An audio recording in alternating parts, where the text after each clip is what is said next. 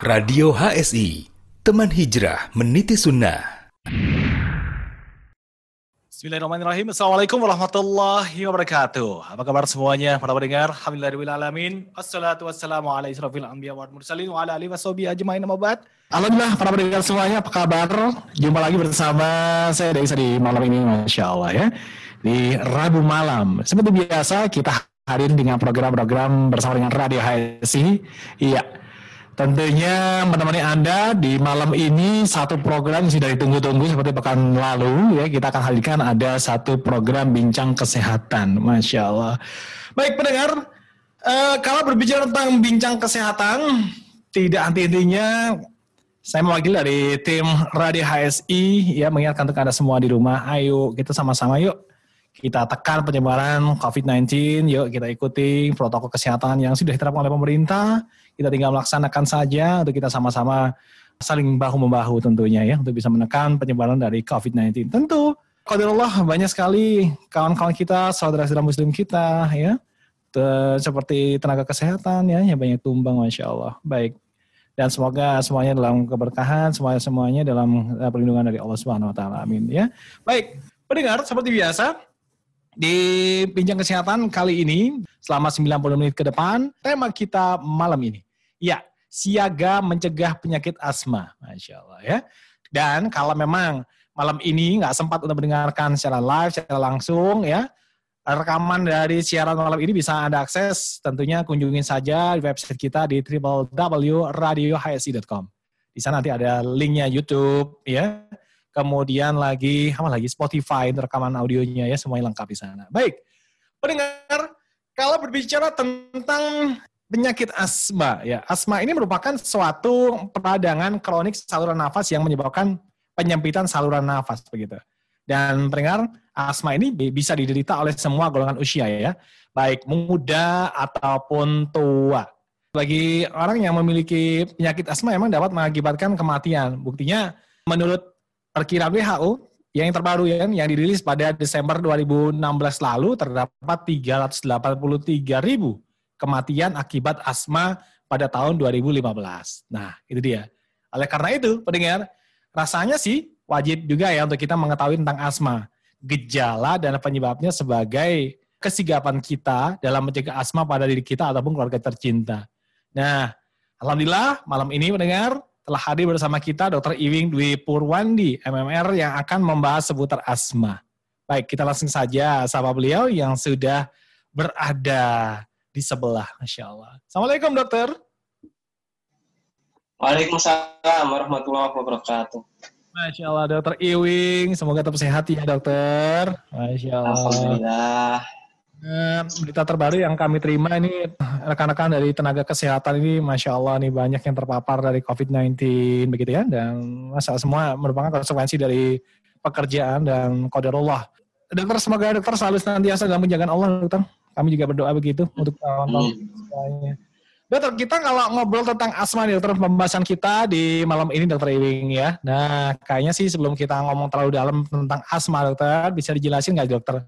Asma itu selengkapnya kayak apa sih? Dapat gambaran nih buat pendengar semuanya. Ya. Baik. Alhamdulillah, Bismillahirrahmanirrahim. Ya, kalau kita ngomongin asma, asma, kadang orang apa sih? Kalau di Jawa, itu biasa sakit orang dulu bilang sakit mengi sakit mengi karena ciri khasnya itu kalau yang udah parah itu kalau kita nafas itu kayak suara ngik ngik ngik nah itu di jadi sebetulnya asma itu ada suatu penyakit di saluran nafas di mana terjadi penyempitan di dalam paru-paru dan ada namanya bronkus. Jadi di situ ada saluran-saluran udara, saluran saluran nafas yang di dalam paru-paru nanti yang akan menyalurkan udara oksigen ini dari udara luar nanti bisa pindah ke, ke darah itu. Dari situ terjadi suatu penyempitan karena adanya apa ya bengkak dari si bronkus ini yang bengkak sehingga menyempit. Nah itu akan tergantung keparahan tiap tiap individu ya. Ada yang nyempitnya nyempit banget, ada yang agak agak sempit, ya itu akan menyebabkan orang merasa sesak karena salurannya jadi sempit. Oh, Jadi secara secara mudahnya adalah terjadi penyempitan di di situlah. Apa sebabnya ya? Sebabnya itu biasanya terbanyak adalah karena karena alergi ya. alergi. Karena alergi ya. Baik, dokter. Berarti kalau suaranya itu akibat dari penyempitan, begitu ya dokter ya? Iya, Nah, menimbulkan suara. Ini bukan efek ya dokter ya? bukan bukan efek dari alat elektronik, tapi karena adanya penyempitan di situ. Kalau kalau kita seperti gini mudahnya, kalau kita sempitkan mulut kita gitu kan, kalau kita apa tiup di dalam mulut kan juga berbunyi kan. Bersiul. Itulah bersiul seperti itu yang biasanya luas jadi menyempit. Tapi kadang itu harus didengarkan dengan alat, tapi kadang tanpa alat pun kita dengar kata kawan kita oh. Baik, baik dokter. Itu penjelasan singkat mengenai asma. Kemudian kalau gejalanya seperti apa dokter Iwin? Yang paling mudah dikenali ya dari asma itu sendiri. Dan membedakan dengan suara-suara yang lain gitu. Karena kalau ngomong suara itu nggak cuma asma saja dokter ya. Kalau seumpama kita tidur terlalu lelah bisa juga posisi nggak enak jadinya mendengkur juga bersuara. Heeh, Iya. Ada suara-suara yang lain yang mungkin sempat dikenali secara medis gitu. Tapi ini membedakan dengan asma. Seperti apa dok? Jadi asma itu ada ada beberapa ciri ya, ada beberapa ciri. Yang pertama itu berulang. Berulang. Jadi iya, asma itu namanya kalau di nama episodik jadi berulang. Jadi ketika asma itu ada faktor pencetus dan faktor risiko. Dan faktor risikonya itu salah satunya adalah keturunan Oh keturunan. genetik ya, genetik. Jadi ada yang keturunannya apakah keturunan genetik keluarganya punya alergi atau keluarganya punya asma itu mem- memungkinkan seseorang terkena asma. Jadi resikonya salah satu resikonya adalah itu. Terus yang ada terus faktor lingkungan, Hmm. lingkungan di sekitar kita. Nah di situ dari lingkungan ada alergen-alergen atau zat yang bisa menyebabkan alergi. Nah, zat yang menyebabkan alergi yang menyebabkan asma biasanya yang pertama adalah debu. Debu rumah dalam dalam rumah ada debu debu rumah, terus ada tungau, itu terus kulit hewan, kulit binatang, bulu-bulu binatang, terus jamur. Di luar kalau dari halaman biasanya tepung sari dari tanaman. Tanaman itu juga bisa menyebabkan memicu terpicunya asma ini. Oh. Terus ada juga yang terjadi karena pekerjaan di lingkungan pekerjaan. Jadi teman-teman kita yang banyak debu di lingkungan kerjanya, ada silika, ada asbes, silik seperti itu bisa memicu juga asma. Nah itu namanya asma akibat kerja. Oh. Terus asap rokok, asap dapur yang dulu kalau kita masih zaman dulu banyak yang pakai kayu bakar Betul. gitu ya polusi-polusi seperti itu itu bisa terus sebenarnya ada makanan tapi jarang ya jarang makanan yang menyebabkan alergi sampai ke asma. Yang banyak adalah debu-debu itu Oh baik. iya itu ya. Jadi yang episode jadi kita mulai apa namanya berulang. Kadang sesaknya itu berulang. Saya sesak nanti suatu saat sesak lagi nanti suatu saat sesak lagi. Terus bervariasi sesaknya itu. Kadang suatu saat sesaknya sesak banget kadang sesaknya agak agak apa ya agak agak ringan seperti itu. Terus reversible artinya sesaknya ini akan setelah inflamasinya apa radangnya bengkaknya di saluran tadi berkurang itu akan akan berkurang. Berkurangnya bisa dengan spontan tanpa intervensi medis tanpa obat tanpa kita kasih apa-apa bisa juga dengan harus dengan obat. Itu tergantung dari tergantung dari keparahan dari situ. Nah ada satu yang mungkin mirip dengan asma. Itu yang dinamakan PPOK penyakit paru obstruktif kronis yang jelas intinya adalah yang paling yang satu ini yang PPOK ini tidak reversible. Jadi ketika sudah mulai menutup ya dia akan terus seperti itu. Bedanya dengan asma dan penyebabnya biasanya kalau PPOK seringnya pada orang tua. Karena ini proses yang kronis lama. Pada biasanya pada perokok atau pada tadi yang kita menggunakan asap kayu bakar itu asap. Baik, Dokter Ewing cukup menarik. Berarti dari asma ini jika memang salah satu penyebabnya adalah faktor alergi, berarti asma ini juga bisa hilang sewaktu-waktu, bisa kambuh sewaktu-waktu. Begitu ya dokter ya? Ya, betul. Karena ada ketika ada pencetusnya, ya dia bisa bisa kambuh lagi. Ya, pencetusnya itu juga selain alergen tadi juga bisa karena cuaca. Hmm. Nah, musim-musim dingin gitu bisa juga dia menyebabkan mencetuskan terjadinya asma. asma. Baik. Itu kalau yang dari sisi alergi. Kalau yang dari genetik, dokter, itu apa bisa diketahui jika bapaknya asma otomatis anaknya asma, tapi kalau ibunya mungkin otomatis anaknya nggak nggak selalu seperti itu. Ada yang seperti itu kan dokter? Atau memang kedua orang tuanya harus dua-duanya uh, menderita asma, baru anaknya positif enggak. pasti asma. Oh, enggak, enggak seperti itu. Jadi bisa salah satunya menderita, nanti anaknya juga bisa iya, tapi bisa juga tidak. Dua-duanya asma, anaknya bisa juga tidak seperti itu. Jadi tapi memang ada ketika ada garis keturunan kemungkinan karena nggak semua anaknya nanti jadi menderita. Jadi ada mungkin ada beberapa ada yang kena, ada yang tidak. Baik, baik. Begitu ya dokter ya, cukup menarik ini. Baik, dokter kita kembali lagi. Kemudian kalau ada berapa faktor penyebab dari asma tadi sudah disebutkan juga. Nah, kalau jenis-jenis alergi dari asma itu sendiri dokter selain seperti asap, kemudian mungkin bulu atau hewan bisa jadi ya dokter ya.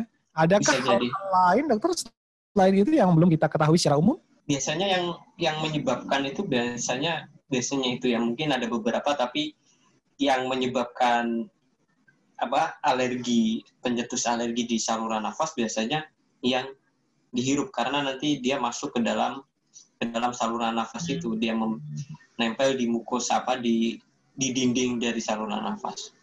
Dan biasanya kadang bergandengan ya salur apa si si asma ini dengan dengan rinitis rinitis alergi. Jadi alergi saluran nafas yang terjadinya di hidung. Itu kadang ada orang yang punya rinitis dan asma sama satu orang itu karena salurannya sama. Jadi di hidungnya dia menyebabkan rinitis nanti di parunya dia menyebabkan asma. Tapi bukan berarti kalau orang asma pasti rinitis dan orang yang punya rinitis pasti asma seperti itu. Dua hal yang berbeda dokter ya? Ya dua hal yang berbeda. Karena yang diserang yang asma itu saluran nafas bagian bawah di dalam paru-parunya. Kalau yang rinitis itu di di hidungnya. Jadi yang bengkak hidungnya. Oh, yang bengkak hidung. Baik. Yang membedakan ketika asma itu menyerang di usia mungkin yang sudah tua begitu ya. Ada nggak dokter ciri-cirinya atau mungkin penyebab khusus membedakan dari faktor usianya dokter?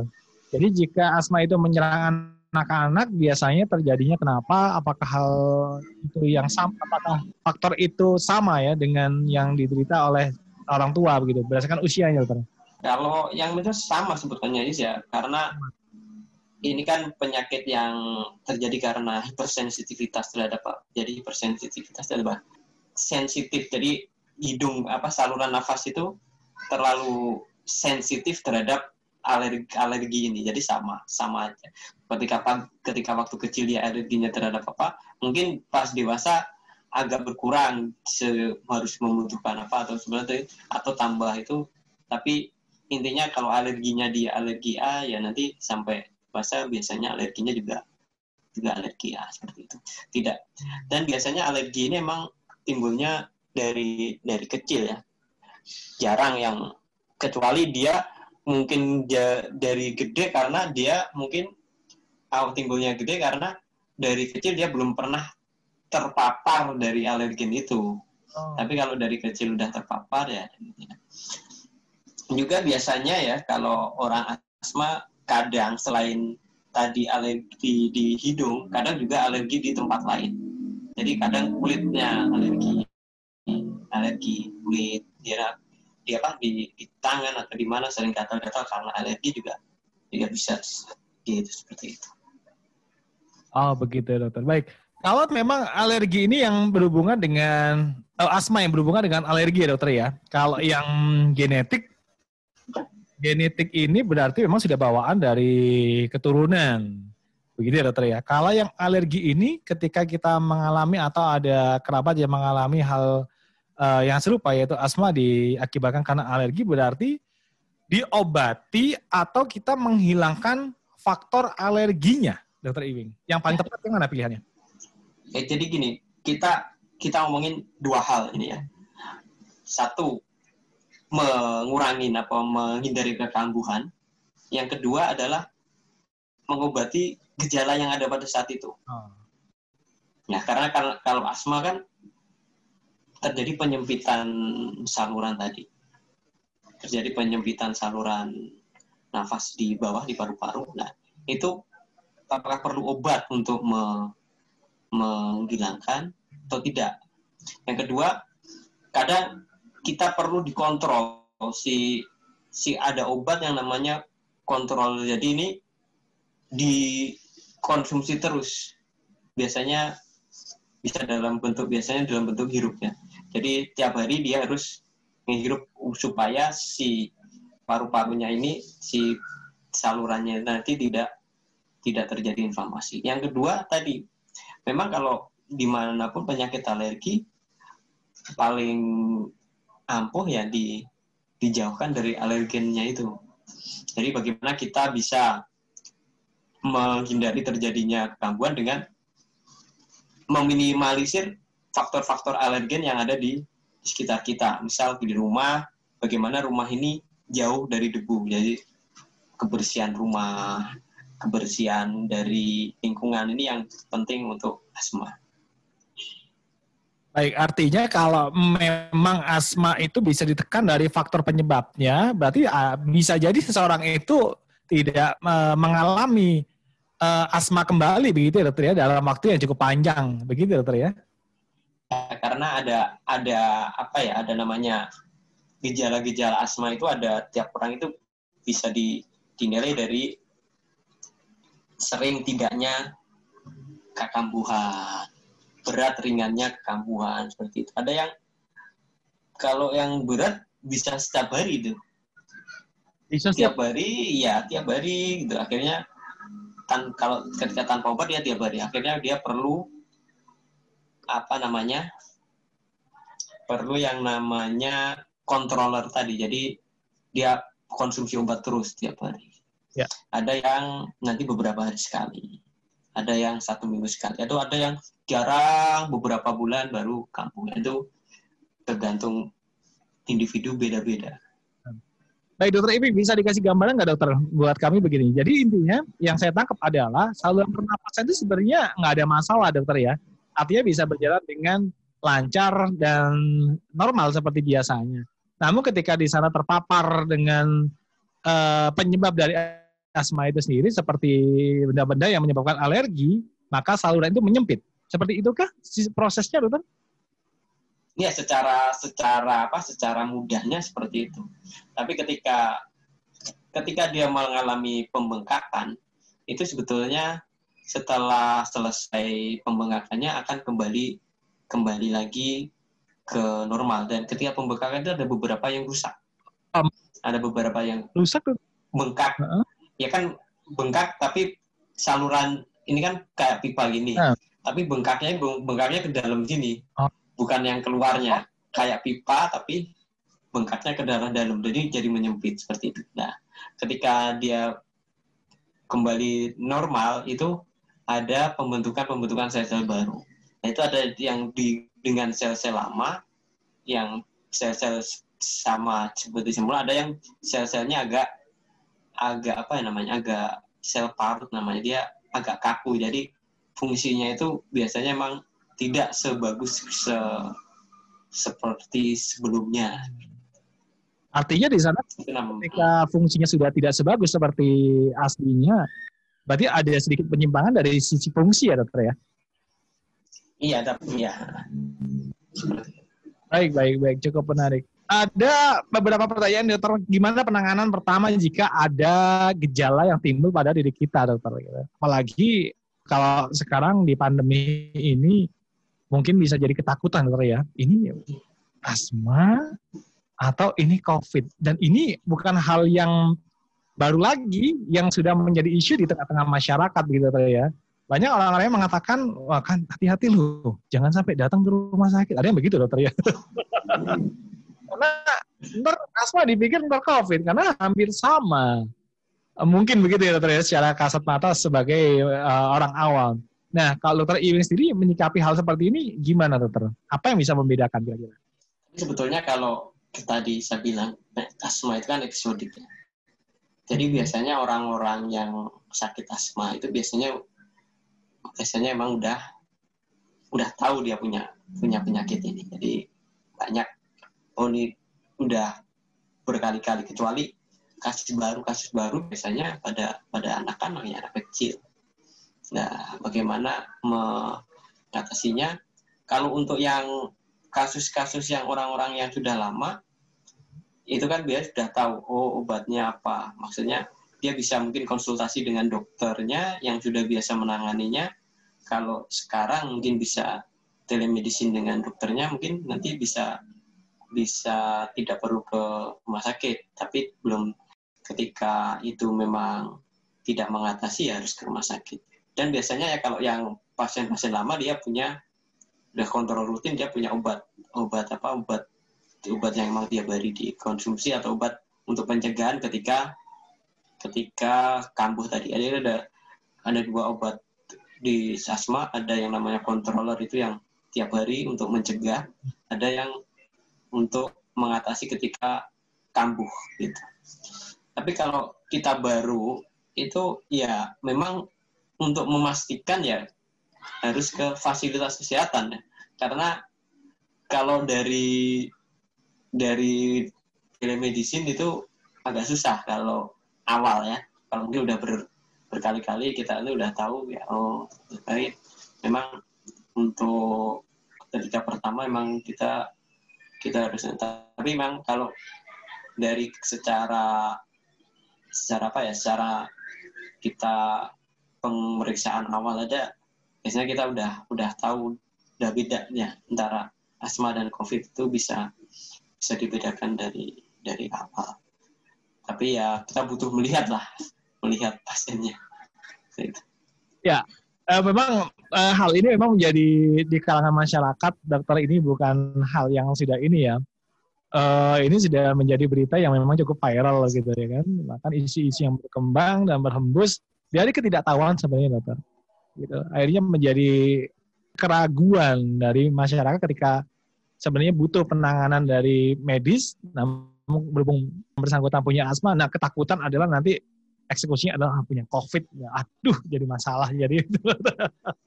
Tapi dia bisa ya dokter ya, dia bisa membedakan dari artinya dari pasien sendiri kalau memang memang itu benar asma kan biasanya ada obat yang controller controller yang tadi disebutkan sama dokter Iwin begitu dokter ya. Jadi Iya. ke dokternya mungkin bisa dokter.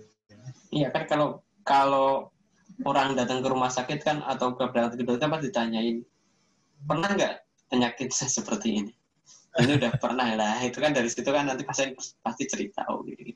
Apalagi kalau udah udah apa ya udah dia udah rutin pasti dia akan ke dokter yang sama karena dia sudah pas praktek apa dia kontrolnya ke dokter itu dia akan tahu itu juga nanti dari catatannya tahu oh pasiennya seperti ini jadi Baik. maka jadi perlu Baik. kita tidak apa ya kalau bilang kita ke udah pas ke dokter ini ya ketika sakit yang sama ya kita ke dokter tersebut karena data data pasien itu akan terekod di di dokter tersebut atau di rumah sakit tersebut atau di klinik tersebut. Jadi tidak perlu khawatir sebenarnya dokter ya. Baik, pendengar, saat lagi kita akan lanjutkan lagi bincang-bincang kita bersama dengan Dokter Iwin. Dokter, saat lagi kita akan lanjutkan tentang bagaimana sih menangani sebuah gejala dan apa ciri-cirinya, Dokter. Ini khusus yang mungkin baru mengalami apa itu asma, mungkin baru dirasa di usia-usia yang sekarang begitu dokter. Baik, tapi sebelumnya mendengar kita akan dulu sebentar karena ada beberapa informasi yang akan kita sampaikan untuk Anda. Saya bersama dengan Radio HSI, teman hijrah meniti sunnah. Pendaftaran narasumber Radio HSI. Alhamdulillah, seiring dengan berjalannya beberapa program di Radio HSI, kami mengajak kepada para ikhwah untuk berkesempatan menjadi narasumber di Radio HSI. Antum memiliki cerita menarik, pengalaman unik, kisah inspiratif, sharing kesehatan atau tibun nabawi, sampai tips dan trik lainnya.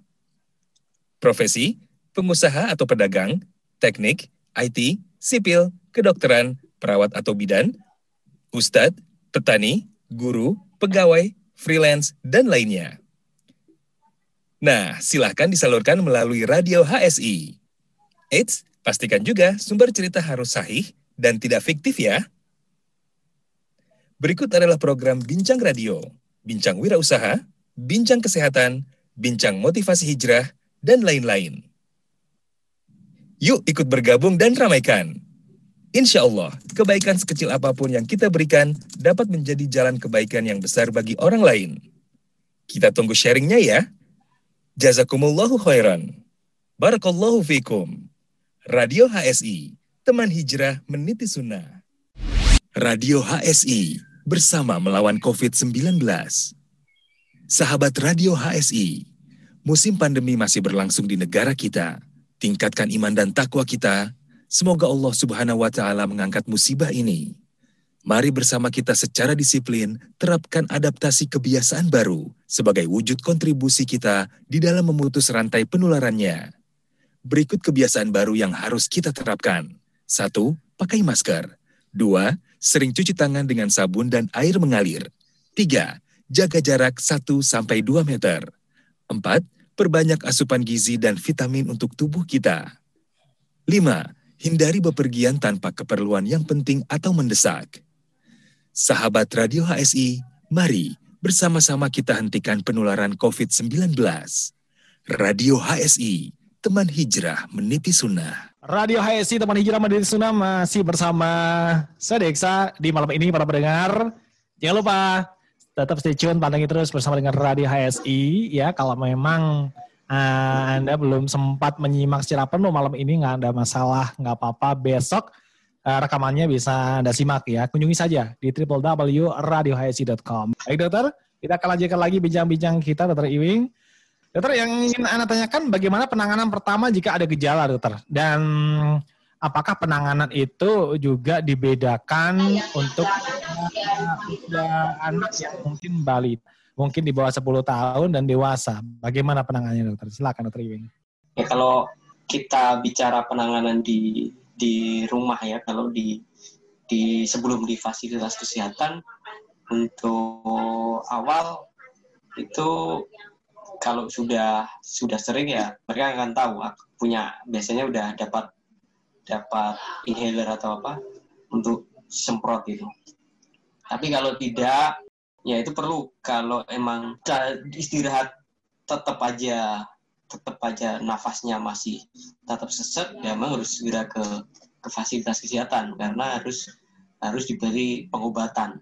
Tapi kalau dia, dia diem istirahat tenang kurang itu beda beda cerita. Tapi kalau karena kondisi saat ini orang ketakutan ke kesehatan tapi kalau memang sudah kalau ada oksigen di rumah mesti kasih oksigen tapi tidak kalau berat memang tidak tidak begitu membantu tanpa tanpa obat ya. Jadi penanganannya kalau seseknya lumayan berat dan dia belum pernah ke Twitter tidak punya tidak punya apa tidak punya obat yang yang rutin apa obat yang mengurangi sesak tadi ya harus segera ke fasilitas kesehatan ke GD lah. Kalau kan kadang sering kali juga malam serangannya itu. Karena malam kan dingin seperti itu mungkin. Tidur di kasurnya debunya masih banyak. itu. Baik, berarti nggak ada beda ya dokter ya antara yang usia balita dengan dewasa ya dokter ya? Nggak ada, yang, ya bersama nanti tetap ya juga kalau sesek ya tetap kita kasih obat untuk yang pelega tadi untuk obat-obatnya yang sekiranya bisa untuk rawat jalan sementara di rumah sebelum mungkin ke pelayanan kesehatan itu jenisnya seperti apa dokter? Ada berapa macam? Yang saya tahu bentuknya kayak kaleng begitu dokter ya. Itu yang seperti apa dokter? Apakah dari masing-masing obat jalan itu atau mungkin controller bisa dikatakan gitu dokter ya?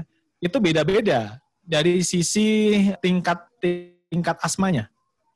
Ya nanti ada beberapa beberapa jenis obat ya. Ada yang oral atau di, diminum, ada yang semprot ya. Semprot dia jadi sama-sama dua-duanya ada untuk controller, ada untuk apa ya? Untuk exacerbasi aku tuh namanya apa? Serangan. Ada dua. Jadi obatnya itu ada dua, ada yang untuk kontrol dan ada udah serangan. Terus ada yang pakai sem enggak disemprot tapi pakai uap. Oh. Yang diuapkan itu ya pakai kita pakai rasanya pakai masker, terus dari disambungkan ke alatnya obatnya ya. di, diuapkan oleh si masker ini itu bisa ada biasanya di rumah sakit atau di fasilitas kesehatan ketika pasien datang nanti dikasihnya buat pakai itu jadi obatnya ini yang kalau kita semprot atau pakai uap ini nanti kerjanya di lokal di saluran pernafasan aja. Tapi kalau obat yang diminum ini efeknya sebenarnya seluruh tubuh seperti itu. Biasanya kalau terlalu berat ya juga akhirnya dikasih yang murah juga dan kadang dari segi segi harga kalau obat untuk yang minum kan kadang cuma dikasih kita kasih dalam waktu dekat. Tiga empat tiga empat hari ini untuk yang pelega aja. Karena ketika kita yang emergensi di rumah sakit kita udah atasi dia bisa melegakan nanti kita baru kasih untuk maintenance di rumah. Sebelum kontrol ke spesialis kalau anak-anak ya spesialis paru anak kalau dewasa ya spesialis paru dewasa baik dokter Iwing kalau berdasarkan tingkatannya dokter tingkatan kesulitan atau dari yang rendah, sedang, sampai yang berat atau akut begitu dokter ya. Ada berapa sih dikelompokkan asma itu dokter? Ada ada ringan, ada sedang, ada ada berat. Ya. Tergantung dari dari gejalanya tadi. Ya nanti untuk mana apakah dia biasa mengganggu aktivitas atau tidak sampai membutuhkan obat yang tadi yang obat untuk pelega tiap hari atau atau tidak atau sampai aktivitasnya itu yang sangat yang berat itu gejalanya tiap hari aktivitasnya terbatas bentar-bentar kambuh bentar-bentar sesek bentar-bentar sesek terus aktivitasnya sampai terganggu lah kehidupannya karena karena seseknya itu atau yang ringan ya jarang-jarang apa kadang kekambuhannya itu cuma singkat itu seperti itu jadi ada ada ringan, sedang dan dan berat. Ya, tolak ukurnya adalah dari intensitas berarti ya, Dokter Iwing ya? ya? Dari intensitas, tapi kalau nanti di rumah sakit itu ada alatnya nanti bisa di dites. Kalau sudah di rumah sakit yang yang besar ya, yang punya fasilitas yang lengkap, itu bisa dites dengan dengan alat nanti oh kemampuan kemampuan parunya seperti apa, kemampuan bronkusnya itu. Yang saluran tadi kemampuannya seperti apa dari situ akan oh ini berarti kalau sekian ini dia masuknya ringan, kalau ini sedang, kalau ini berat. Nanti kalau dikorelasikan dengan gejalanya ya ya mirip seperti itu. Baik, dokter. Adakah penyebab dari asma ini dikarenakan memang ada gangguan di bagian parunya? Kalau tadi sempat di awal dijelaskan oleh dokter Iwing bahwasanya gangguan asma ini berasal dari menyempitnya saluran yang menuju ke paru, salurannya dokter ya. Iya. Gejala asma itu disebabkan karena memang parunya sendiri yang bermasalah. Hmm, tidak. Jadi karena memang penyakit ini karena hipersensitivitas tadi apa terlalu sensitif terhadap sesuatu yang sehingga bengkak. Jadi kalau dia dari awal itu bukan bukan karena bukan asma beda lagi cerita baik baik baik baik cukup menarik Masya Allah baik dokter Iwin kita kembali katanya sih dengar-dengar juga dokter, benar nggak sih dokter jika penderita asma itu tidak boleh berolahraga? Oh, ya kita kan kadang orang takut ya, tapi sebetulnya tidak ada yang tidak boleh berolahraga, tapi mungkin yang perlu diketahui adalah bagaimana kita olahraganya tidak terlalu membebani atau tidak. Apalagi ketika tidak terjadi episode serangan, itu normal-normal saja kan bisa bisa olahraga normal-normal. Tapi mungkin olahraganya tidak tidak sebagus atau tidak se, sekuat orang yang tidak asma. Tapi sepanjang tidak terlalu me, tidak tidak apa-apa, renang bisa, lari bisa. Renang itu juga juga bagus sih. Karena ketika kita ngomongin yang berat, lebih berat itu jantung orang sakit jantung pun boleh berolahraga, tapi ya harus disesuaikan dengan dengan penyakitnya. Makanya kalau ketika orang punya penyakit penyakit penyakit tertentu, ketika mau berolahraga dia harus konsultasi dulu dengan dokternya. Jangan jangan asal langsung olahraga, kulihat temannya wah kuat seperti itu, dia ingin ikut seperti temannya, nanti tidak jadi ketika orang punya penyakit tertentu itu kalau mau berolahraga dia harus konsultasi dulu. Baik, baik, baik. Ini tidak ada masalah ter ya, cuma disesuaikan. Ya sesuai dengan kesehatan. Ya. begitu. Baik. Ada satu yang menarik, sebenarnya asma ini apa memang akan diderita oleh seseorang itu selama-lamanya atau memang ada beberapa pasien yang sudah sembuh dengan beberapa catatan mungkin Ya mungkin tidak tidak kambuh ya. tapi sebetulnya dalam penelitian ada yang diternamakan terapi-terapi yang apa namanya sensitisasi. Jadi di hipersensitivitasnya itu di diintervensi supaya dia tidak hipersensitif tadi. Tapi penelitian-penelitian ini masih masih berlangsung sehingga ada yang masih pro kontra lah hal ini masih ada yang bilang ada pakar ini bilang ini bisa disensitisasi. Jadi diberi semacam alergennya tapi dengan dosis yang kecil. Setelah terus menerus selama beberapa saat. Nanti dengan itu diharapkan si apa si bronkusnya ini tidak hipersensitif lagi. Orangnya tidak hipersensitif lagi terhadap terhadap alergi itu. Tapi ini masih masih mungkin belum belum menggembirakan lah ya hasilnya. Jadi ada beberapa orang yang mengklaim bisa, tapi untuk banyak secara massal masih kita masih persen to persen masih belum bisa di, di diharapkan hasil. Baik. Dan tentunya ilmu perkemb ilmu medis pun terus berkembang dokter ya. Dan masih kita semoga bisa mendapatkan update terbaru begitu. Baik, artinya dari beberapa obat yang sudah diberikan oleh tenaga medis saat ini mengenai asma itu ini hanya bersifat untuk menekan hipersensitif aja. Begitu ya dokter ya ada nggak obat itu akhirnya tidak bereaksi dikarenakan mungkin ada beberapa perubahan secara hormonal atau mungkin tingkat masing-masing orang itu berbeda hingga obat itu tidak berfungsi. Dan plan B apa yang dilakukan jika itu terjadi, dokter? Jadi jadi kalau kalau kita ngomongin obat di di mana pun ada ada step-step. Jadi ada ketika pasien ini dengan gejala sekian ada kita kasih sekian. Nanti ketika ini tidak tidak respon nah ada lagi step step selanjutnya. Ada yang tingkatan selanjutnya nanti tingkatan selanjutnya. Ketika ini tidak respon nanti ada lagi. Ketika ini tidak ada lagi seperti sampai sampai tingkatannya. Tapi akan dicoba dengan sesuai dengan keadaannya jangan kita langsung kasih yang tinggi. Jadi misal kita mau membunuh tikus satu, jangan kasih rudal gitu ya. Kita cukup pakai senapan angin saja. Seperti itu.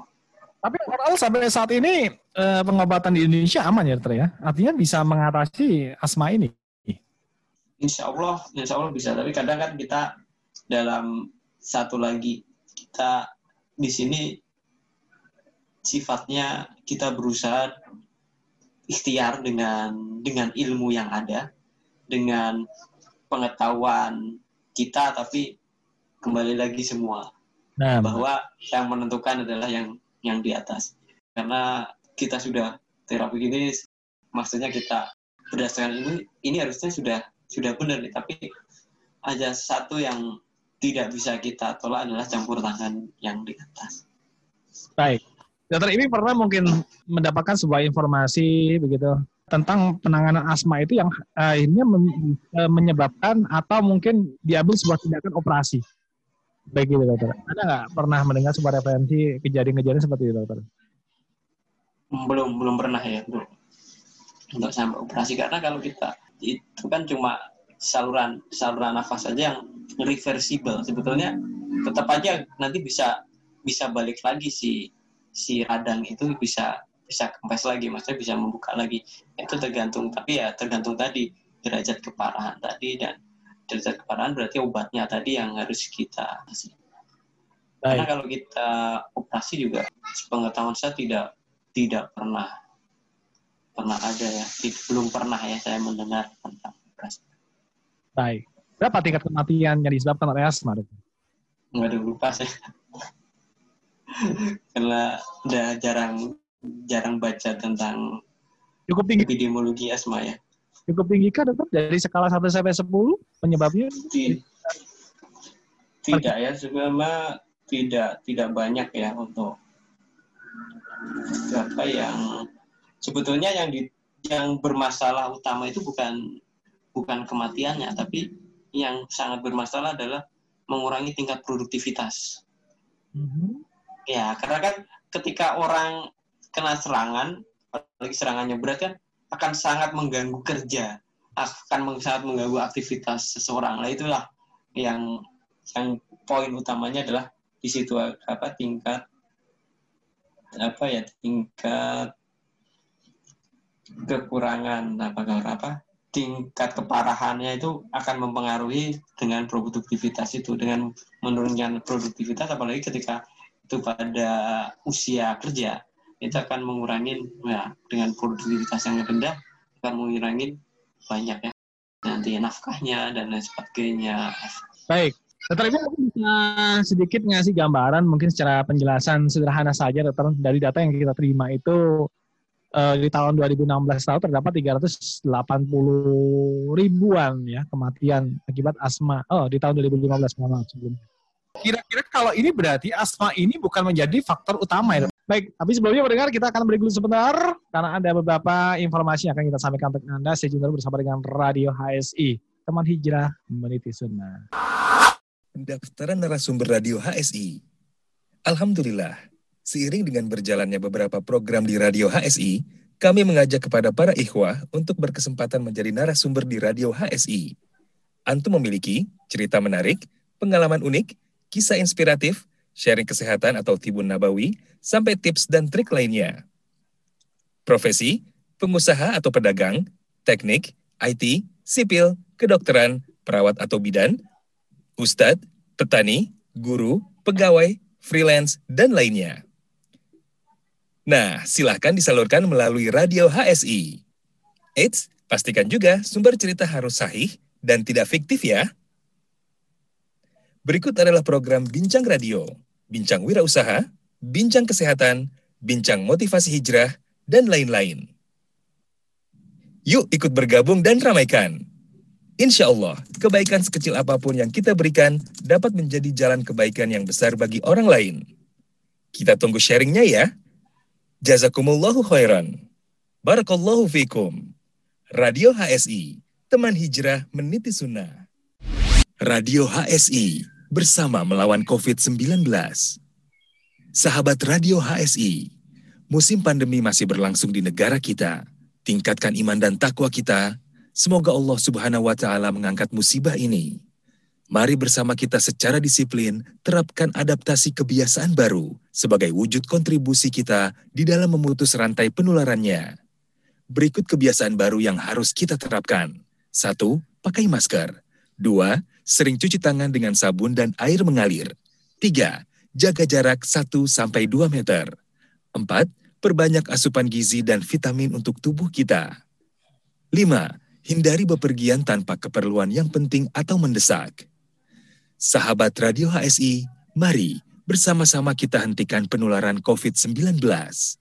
Radio HSI, teman hijrah meniti sunnah. Radio HSI teman hijrah meniti sunnah masih bersama saya Deksa di malam ini pendengar semua bersama dengan Radio HSI program bincang kesehatan tentang pembahasan asma ya bersama dengan Dokter Iwing. Baik kembali Dokter, saya ingin tanyakan kembali Dokter kalau di beberapa data yang kami terima di tahun 2015 itu sekitar 380 ribuan ya ada kematian informasinya mengenai akibatnya asma. Tapi kalau menurut Dokter Iwing dari kejadian ini asma ini berarti posisinya ini sebagai penyebab utama kematian atau mungkin penyebab yang kedua atau sebuah dari impact Ya, apa ya?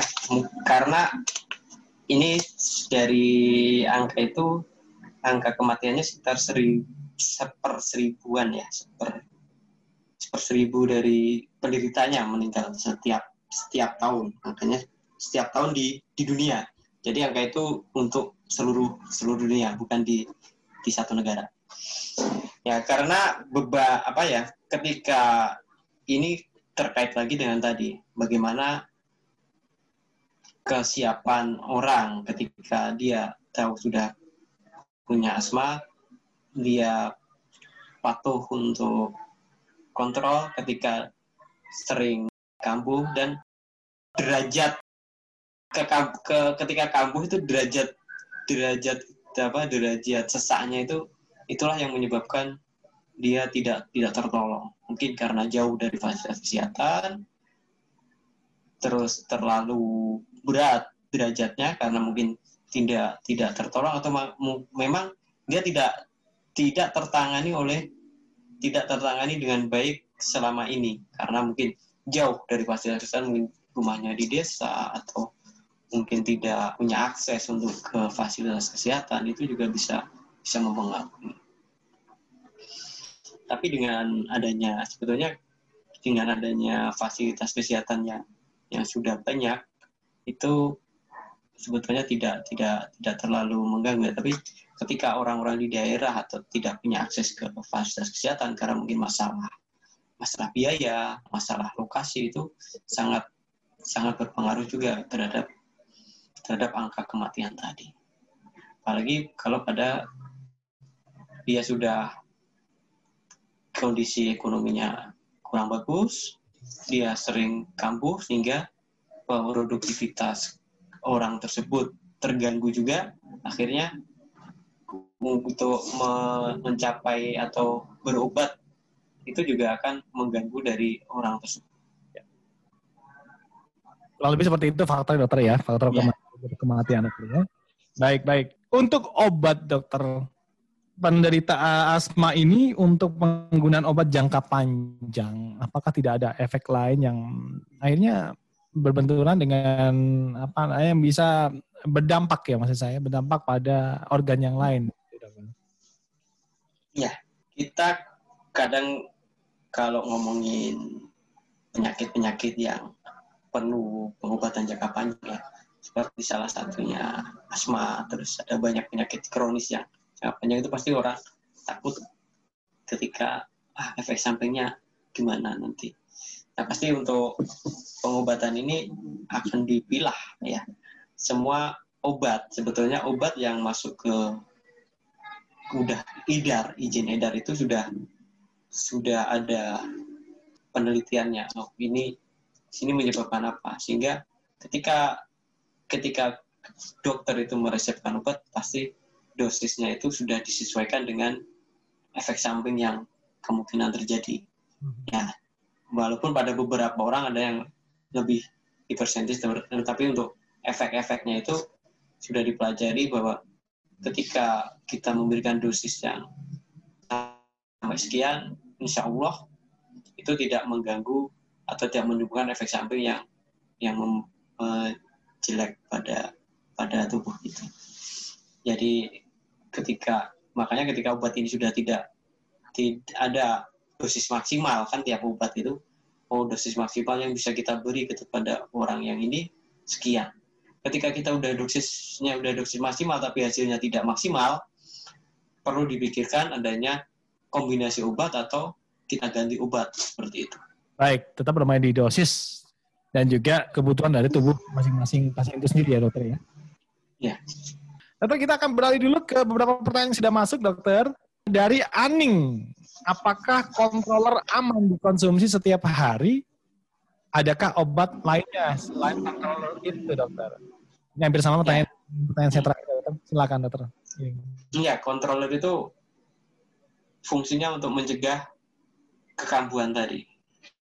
Yaitu memang diciptakan untuk di, di dikonsumsi tiap hari. Dan ke sekarang kan dan apa controller ini ada yang obat asma tidak semuanya diminum kan banyak yang dihisrup dan itu kerjanya lokal.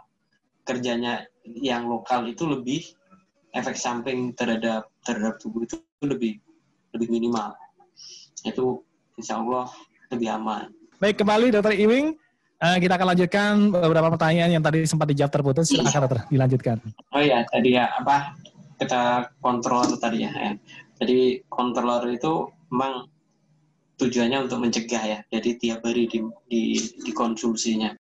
Dan kebanyakan memang sekarang controller itu tidak tidak diminum ya. Dulu waktu saya masih sekolah dulu masih banyak yang diminum ya obat obat minum. Tapi sekarang kebanyakan untuk controller itu sudah dihisap ya, dihirup itu lebih lebih aman karena fung kerjanya itu lokal ya kerjanya di di saluran nafas saja kalau yang di diminum kan lewat darah baru ke saluran nafas. Selain controller yang untuk menjaga itu ketika kodarullah kita sudah pakai controller tetap kambuh itu ada namanya reliever atau pelega. Itu di dipakainya ketika ketika serangan aja. Kalau nggak serangan tidak tidak diminum. Karena efek sampingnya juga dia lebih lebih besar dari yang controller. Baik, yang sering diberikan dari tenaga medis saat ini sudah cukup bagus dokter ya. Nah, bagian cuma beri, berefek pada bagian luar tubuh, jadi bisa menekan hal-hal yang tidak diinginkan yang lain itu dokter ya. Iya, dan juga tadi tadi seperti saya bilang ada ada bertingkat-tingkat pengobatannya nanti ketika tahap A nyampe ya nanti ada obat yang lebih lebih baru lebih baru. Dan perkembangan memang setiap saat maksudnya sampai saat ini ilmu itu kan kita terus berkembang berkembang. Dan mungkin yang dulu saya bilang itu obatnya ini wah sekarang sudah sudah tidak tidak dipakai lagi mungkin seperti itu. Jadi mungkin sekarang itu udah diterapkan mungkin beberapa tahun lagi udah udah berganti lagi betul betul dan semoga tetap semakin lebih baik begitu dokter ya harapannya baik kembali ke pertanyaannya sudah bergabung dapat di studio kali ini di 08 berapa nomornya 08233 739 sekian sekian dokter ini ada pertanyaan apa sih indikatornya kalau asma yang diderita ini bertambah buruk kalau terindikasi bertambah buruk, apakah harus rawat inap? Begitu, Dokter Iwing. Silakan. Ya, bertambah buruk atau bertambah ya dari tadi, dari episodenya. Apakah semakin cep, semakin sering nggak? Hmm. Semakin sering nggak kita kambuh itu? Misal saat ini kita kambuhnya setiap tiga bulan sekali. Ternyata akhirnya dua bulan sekali, akhirnya satu bulan, akhirnya tiap minggu kambuh. Itu Nah, itu berarti bertambah, bertambah ya. Terus bertambah berat nggak kita serangannya itu? Ketika biasanya ya sesak tapi kita masih bisa, tapi terus sesaknya terus-terusan yang membuat kita tidak tidak bisa lah. Kalau rawat inap nanti ketika kita rawat inap atau tidak, nanti ketika kita di sesak tidak tidak apa ya, kita tidak mengatasi dengan obat pelega yang dibawa. Maksudnya ketika pasien itu pulang dari kontrol itu ada dua obat yang dibawa, ada, ada reliever dan kontrol tadi. Tergantung ya, tergantung derajatnya pasien ini waktu periksa. Ketika periksa ini butuhnya ini ya, dia akan dibawa itu ketika dengan pelega yang diresepkan yang dibawa pulang itu tidak tidak apa ya tidak berkurang tidak membuat memberi efek itu ya dia harus ke fasilitas kesehatan terdekat ketika di fasilitas kesehatan diobati dengan dengan yang obat yang tersedia tapi tidak bisa maksudnya tidak tidak bisa mengatasi dengan baik maksudnya masih ada sisa masih ada sisa itu masih ada kemungkinan ini kambuh atau gimana nanti dokter itu yang dokter yang ada dia akan menilai pasien ini butuh rawat inap atau atau tidak.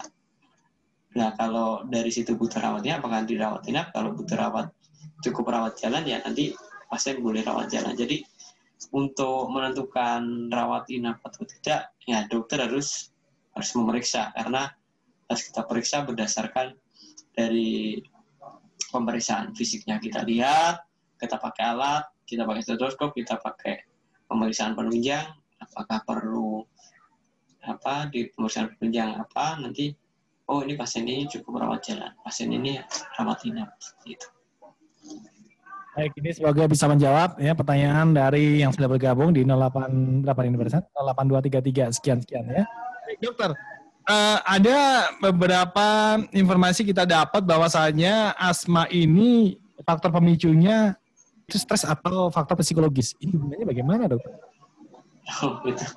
Ya, stres itu memang apa ya? Suatu dia menyebabkan banyak penyakit. betul, betul, betul. Sampai ke asma segala ya, dokter ya? Iya, jadi jadi dia nanti karena itu nanti dari dari apa ya dari saraf yang akan me, membuat si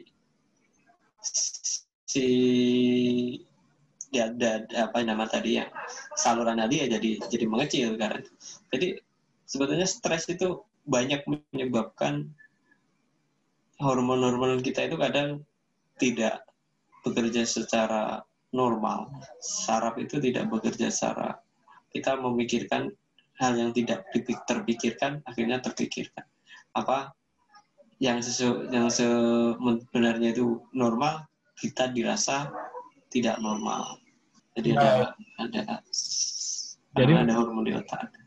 Efek dari stres ini justru yang lebih besar dokter ya. Dari semua penyakit justru dokter ya. iya bisa bisa menyebabkan ya. Namanya kalau di itu psikosomatik. Jadi efek ke dalam tubuh tapi terjadi perubahan dari tubuh tapi dari stres bukan dari penyebab yang yang biasanya. Dari stres. Bisa kemah juga. Yang sering malah ke ke apa ya ke saluran pencernaan ya kalau stres itu lebihnya asam lambung dokter ya? Hmm, ya baik. Pertanyaan berikutnya dokter. Apa ada makanan tertentu yang harus dihindari oleh penderita asma dokter? Adakah makanan? Kalau hmm? kalau dia tidak menyebabkan itu ya ti, ya tidak lah tidak apa misal kalau ada yang karena mungkin alergi makanan tertentu ya di, dihindari. Tapi kalau tidak tidak ada ya tidak tidak perlu menghindari makanan. Ya. Jadi artinya makanan bisa masuk semua nggak ada masalah selama memang makanan itu bukan jadi faktor penyebabnya iya. saya banyak dari makanan-makanan yang sering terjadi itu alergi dokter ya efek iya. pertama adalah alergi larinya ke asma banyak biasanya makanan-makanan laut selain itu yang patut sering di uh, didapati makanan jenis apa dokter? Yang sering kacang mungkin ya. Kacang-kacangan kacang. Ya? Oh. Tapi ya, ya jarang biasanya tapi sering seringnya maksudnya itu di orang luar negeri ya. Kalau orang Indonesia saya, saya jarang jarang ketemu ya. Oh begitu dokter. Terus tadi yang makanan yang mungkin yang yang bisa kita hindari adalah ya tadi yang menyebabkan dingin tadi ya dingin gitu ya tapi tidak semua kadang orang minum es juga nggak apa-apa tapi kalau beberapa orang yang dengan makanan yang dingin yang dia bisa menyebabkan itu ya itu dihindari baik baik. Ini informasinya ada yang mengatakan bahwasanya sate kelinci itu bagus buat asma. Benar nggak sih dok? Ya itu saya kurang ya itu banyak bersuara ya apa dulu pernah sate apa? Tokek Betul. tokek sate kelinci. Tapi saya kalau per- penelitiannya yang yang itu jurnal yang sampai itu saya belum belum pernah baca yang bagus ya yang bahwa oh dengan ini nanti akhirnya efeknya seperti itu tapi ditengarai ada seperti itu. Mungkin Baik. ada zat-zatnya yang bisa menyebabkan menurunkan ini menurunkan itu tapi secara secara apa ya secara penelitian yang bagus yang levelnya bagus itu belum belum ada Jadi untuk jenis makanan tertentu memang belum ada penelitian secara ilmiah eh, yang dituangkan dalam sebuah jurnal begitu ya dokter ya. Apalagi khususnya kalau di Indonesia nih, masya Allah kom- kompleks banget begitu ya pengetahuan pengetahuan warganya ini masya Allah ya. Bahkan hewan-hewan pun bisa masuk katanya sih memang untuk bisa menekan asma begitu. Bahkan ada yang kayak eh, siput itu dokter apa namanya ya kalau di Jawa? apa ya untuk untuk bukan bukan kayak semacam siput gitu dokter. Nah itu juga bisa kata itu bisa menekan asma. Allah alam. Baik baik. Eh, Untuk penanganannya dokter tadi udah kita bahas juga kalau sebabnya terjadi untuk usia lansia dokter. Bagaimana dokter? Untuk penanganan ini apakah masih tetap hal yang sama dilakukan atau memang ada penanganan khusus usia-usia mungkin di atas 55 ke atas begitu? Iya, kalau lansia itu memang mau sakit apa dia penanganannya penanganannya khusus karena biasanya biasanya kompleks. Jadi tidak tidak satu. Jadi memang untuk lansia memang jadi ketika lansia itu punya beberapa penyakit itu nanti sebetulnya ini masih masih kurang apa ya di negara kita masih belum belum belum banyak di dilakukan ya penanganan banyak pengobatan terhadap lansia dengan pengobatan yang kompor apa kolaboratif gitu. Karena masalah lagi-lagi masalah sumber daya dan sumber daya yang ada sumber daya manusia dan sumber daya alat di fasilitas kesehatan yang yang bisa melakukan itu. Jadi mungkin di kota-kota besar di Jakarta di Surabaya di Bandung di kota-kota besar di Jawa ada pelayanan pelayanan geriatri atau pelayanan terhadap orang tua. Di situ nanti akan komprehensif dari di paling oleh seorang penyakit dalam ahli lansia ahli geriatri dan nanti beliau yang akan mengkoordinir atau melideri memimpin penanganan terhadap pasien lansia yang sakit. Ya sakit apa?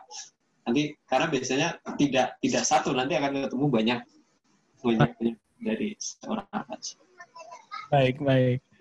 Dosis dokter, kalau eh, sekedar untuk wawasan aja, mungkin untuk penanganan yang di rumah dokter ya, dosis yang diberikan untuk level-level obat controller penderita asma itu seperti apa dokter?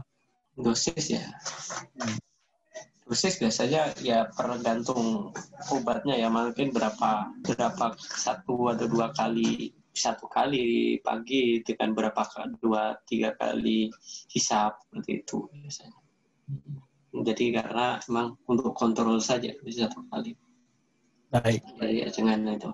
Tapi kalau yang yang oral yang oral dulu ya sekarang udah jarang ya. Kalau yang oral dulu ya biasanya dibagi berapa dua kali atau tiga kali. Dua atau tiga kali minum itu udah. Biasanya kalau yang oral itu ada kalau yang diminum itu udah du- dulu ya sekarang udah jarang. Itu udah di udah dicampur ya tidak berapa dokter ada yang menurut informasi gejala asma itu bisa seperti batuk berdahak ya dokter. Itu me- memang sesuai dengan penelitian atau memang hanya di masyarakat? ya untuk untuk apa ya untuk untuk nama gejalanya bisa disertai dengan dengan batuk biasanya tapi tapi jarang sih ya nggak nggak semua nggak selalu disertai dengan batuk Seperti itu. Jadi kadang kan disertai dengan mungkin se- selain asma mungkin pas itu juga menderita infeksi infeksi saluran nafas. Bisa juga. Kadang double. Sakitnya sakitnya nggak satu tapi tapi ada beberapa penyakit yang diderita. Jadi karena ya kita manusia kadang kita sakit itu nggak nggak satu kadang ada dua ada tiga penyakit yang datang ya kodarullah datang datang bersamaan. Ya baik. Tapi memang lebih lebih banyak memang disertai ciri-ciri alergi-alergi yang mungkin lebih banyak mungkin dari eksternal ya dokter ya. Kalau persentasenya dokter antara penderita asma itu yang diakibatkan oleh alergi dengan faktor genetik itu berapa perbandingannya berapa banding berapa dokter yang paling banyak yang di Indonesia khususnya sebetulnya gen, genetik dan alergi tadi kita kita ngomongin dua hal yang yang sama sebetulnya ya. Hmm. Jadi genetik itu dari dari faktor faktor orangnya ya. Kita ada ke, kemungkinan nih tempat apa si si orang ini ini punya hipersensitivitas karena ada jalur genetik tadi. Nah, nah dengan adanya hipersensitivitas itu, ketika ada ada yang alergennya, ya dia akan tercetus seperti itu. Jadi gimana ya? Hiper kalau orang orang Jawa bilangnya bakat. Jadi dia akan diturunkan ya diturunkan dari dari orang tuanya yang yang alergi atau orang tuanya yang asma atau mungkin kadang orang tuanya tidak tapi kakek atau atau neneknya. Kadang seperti itu. Nah itu yang dia dia udah punya ini punya punya bakat nih. Terus akhirnya dia lingkungannya membuat dia jadi terpapar. Ya.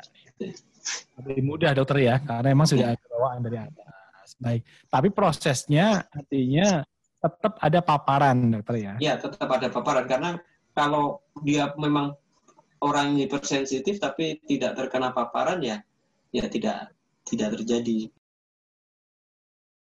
Baik, baik, baik, cukup menarik. Ya, yang sempat komen ternyata ada makan biawak segala. uh, kalau kalau masyarakat Indonesia wah lebih bervariasi dokter ya cara ini cara pengobatannya nih. Allah yes. Pengobatan dari mana kita juga ngerti ini gitu. Ekstrim. Ya, sebetulnya hal-hal seperti itu menarik ya. Apa namanya kearifan lokal itu sebetulnya menarik untuk kita kita pelajari. Kok bisa seperti itu? Mungkin dari situ bisa kita timbul pemikiran karena sesuatu penelitian itu timbul karena pertanyaan atau rasa ingin tahu. Ketika rasa ingin tahu, oh kata orang seperti itu, apakah benar? Nah, tapi ketika suatu penelitian ilmiah itu kan harus didasari dengan teori-teori yang yang mendukung, mau dari dari kedokteran atau mau dari disiplin ilmu yang mana, itu kan harus di, harus ada dasarnya ketika kita mau melakukan penelitian. Dasarnya kenapa sih orang ini makanan orang makan ini jadi ini apakah ada zat yang ada di dalam itulah? Itu yang dicari. Apakah ada zat di dalam di dalam binatang tersebut atau dalam mungkin jamu tersebut yang ini bisa mengatasi seperti itu? Dan itu prosesnya juga juga panjang. Baik, dokter, ada nggak cara pencegahan asma itu sendiri dari usia eh, dari usia dini ya? Artinya di sini pencegahan secara internal dulu, dokter. Artinya begini, kalau ada tadi dikelompokkan menjadi tiga bagian begitu ya, dari yang ringan, sedang, dan berat gitu. Jika sudah mulai usia dini, udah bisa diprediksi bahwa ini adalah uh, asma yang ringan karena intensitasnya sangat jarang begitu ya, secara jumlah. Agar tidak terus intensitasnya semakin tidak bertambah, gimana caranya dokter? Ada nggak tips-tipsnya dokter? Iya, yang pertama kan jelas kita sebetulnya semua penyakit itu ada masalah di tiga triangle penyakitnya. Ada ada host atau orangnya ini, ada lingkungannya dan ada penyebabnya. Bagaimana kita memperkuat daya tahan tubuh kita? Itu satu melalui jatan tubuh itu bisa. Bagaimana kita menghindari alergen ini masuk bagaimana kita menciptakan lingkungan ini bebas bebas alergen sebetulnya tipsnya tiga ya kita bagaimana tubuh ini ya. Bagaimana tubuh ya tadi dengan kalau memang perlu controller ya. Ya konsumsi controller. Perlu apa daya tahan tubuh yang lain. Bagaimana kita makan hidup gaya hidup sehat. Makan makanan yang yang bergizi tidak mengkonsumsi hal-hal yang bisa merusak tubuh termasuk tadi rokok jadi kalau kadang gini ya kalau anak kecil kan hampir tidak ada lah ya yang merokok walaupun ya. di beberapa kasus ada satu dua anak karena karena kelalaian atau kejahilan orang-orang tua ya di sekitarnya akhirnya merokok tapi anak kecil jarang. Nah tapi lingkungan bapak ibu bapaknya merokok, kakeknya merokok, kakaknya merokok dan merokoknya di rumah akhirnya rumahnya jadi jadi full asap seperti itu kan itu juga perlu dihindari. Jadi bagaimana kita menciptakan suatu lingkungan yang meminimalisir adanya alergen-alergen itu yang pertama.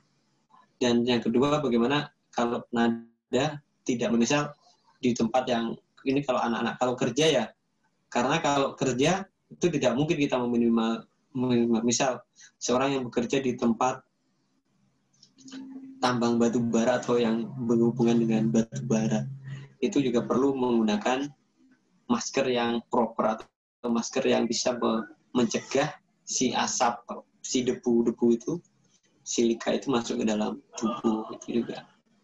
Nah bagaimana kita mencegah masuknya dan kita membuat lingkungan itu bebas dari alergen ya itu bersih kalau di rumah ya rajin membersihkan rumah, kita bersihkan, kita ganti kain-kain misal apa, spray, gorden itu sering dicuci. Karena kalau tidak itu pasti sumber debu. Kita sering menyapu, men mengepel, terus kasur jemur seperti itu juga salah satu untuk mengurangi kekambuhan atau mengurangi keparahan nanti biar tidak berkembang.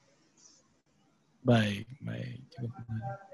Ya, uh, pertanyaan terakhir dokter.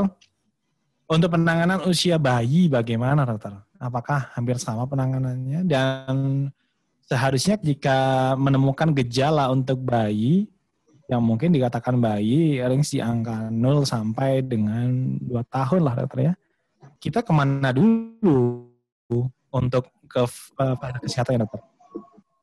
Ya kalau kalau itu terjadinya terjadinya emergensi ya pasti ke ke IGD lah kalau untuk emergensi gitu kan karena kita kan kita tak tahu anak ini kok kelihatan sesak misal ketika dia narik nafasnya agak susah jadi kadang kelihatan di dadanya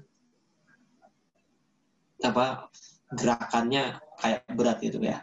Ya nanti kita bawa ke IGD nanti di sana kan, oh apakah ini asma atau penyakit paru yang lain? Nah, itu kan dari itu nanti ketahuan ketika udah ketahuan nanti ya ya di kalau IGD diatasi kegawatannya kan setelah itu pasti setelah kalaupun narawat inap setelah pulang akan kontrol ke ke poli ya dari situ akan di ditata laksana bagaimana terhadap tergantung derajatnya tadi ya apakah butuh controller atau tidak apakah butuh re reliever atau tidak.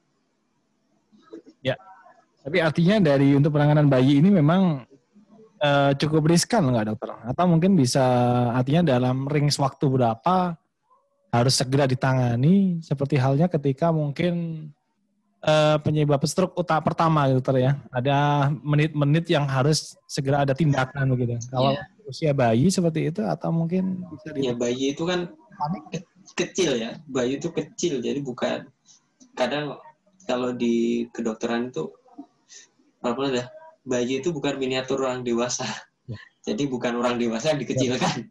karena berbeda jadi mungkin di bentuk apa anatomi tubuhnya masih berbeda dengan belum matang dan sebagainya. Dan ya parunya masih kecil. Itu masih masih riskan. Memang jadi ketika kita kalau kelihatan sesak itu ya segera. Karena kadang kalau dia serangannya berat nanti cepat nih. Tiba-tiba tangan dan kakinya membiru. Udah habis itu membiru membiru membiru terus sudah selesai seperti itu karena si salurannya juga masih masih sempit. Kalaupun dia normal normalnya juga lebih kecil. Jadi ketika membengkak dia akan jadi lebih lebih kesulitan seperti itu. Jadi ya segera hitungannya ketika kita lihat sesek pada bayi kita apalagi sampai sampai ada kebiru-biruan di kaki tangan itu ya, tandanya harus segera cepat dinilai tapi masalah kadang kalau di daerah yang jauh dari fasilitas kesehatan itu yang kadang kita masih lost bagaimana orang-orang yang jauh dari fasilitas kesehatan ketika mengalami masalah yang harus segera itu itu memang jadinya susah kendala dokter ya. ya. Baik, cukup menarik dokter Iwing. Alhamdulillah, Masya Allah kita udah 90 menit dokter nggak terasa ngobrol tentang asma ini. Sebenarnya kompleks karena asma bisa menjangkit dari usia bayi sampai orang dewasa gitu ya. Baik, sebelum kita tutup dokter mungkin ada beberapa yang mau disampaikan sama dokter mungkin untuk juga bisa kita ambil pelajaran dalam pembahasan kita kurang lebih 90 menit ya, sejak tadi dokter silakan dokter ya jadi bagaimana kita sebagai ya apa kan ya masyarakat ini bisa aware terhadap penyakit penyakit paru ya. Ini karena asma itu kan penyakit di paru-paru saluran nafas. Karena paru-paru ini adalah tempat perpindahan dari udara bisa masuk ke dalam tubuh kita. Itu dari paru-paru. Ketika sini sumbat di sini tidak berfungsi ya akhirnya tubuh tidak mendapatkan oksigen yang dibutuhkan kita. Jadi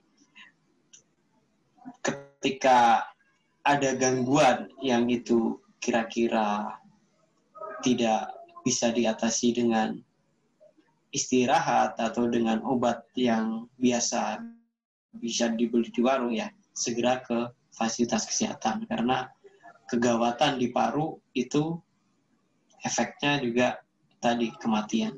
Baik, baik dokter. Terima kasih banyak dokter Iwing atas semua ilmu yang sudah disampaikan. Semoga ini bisa menjadi pelajaran yang berarti untuk para pendengar semuanya. Jazakallah ya dokter Iwing.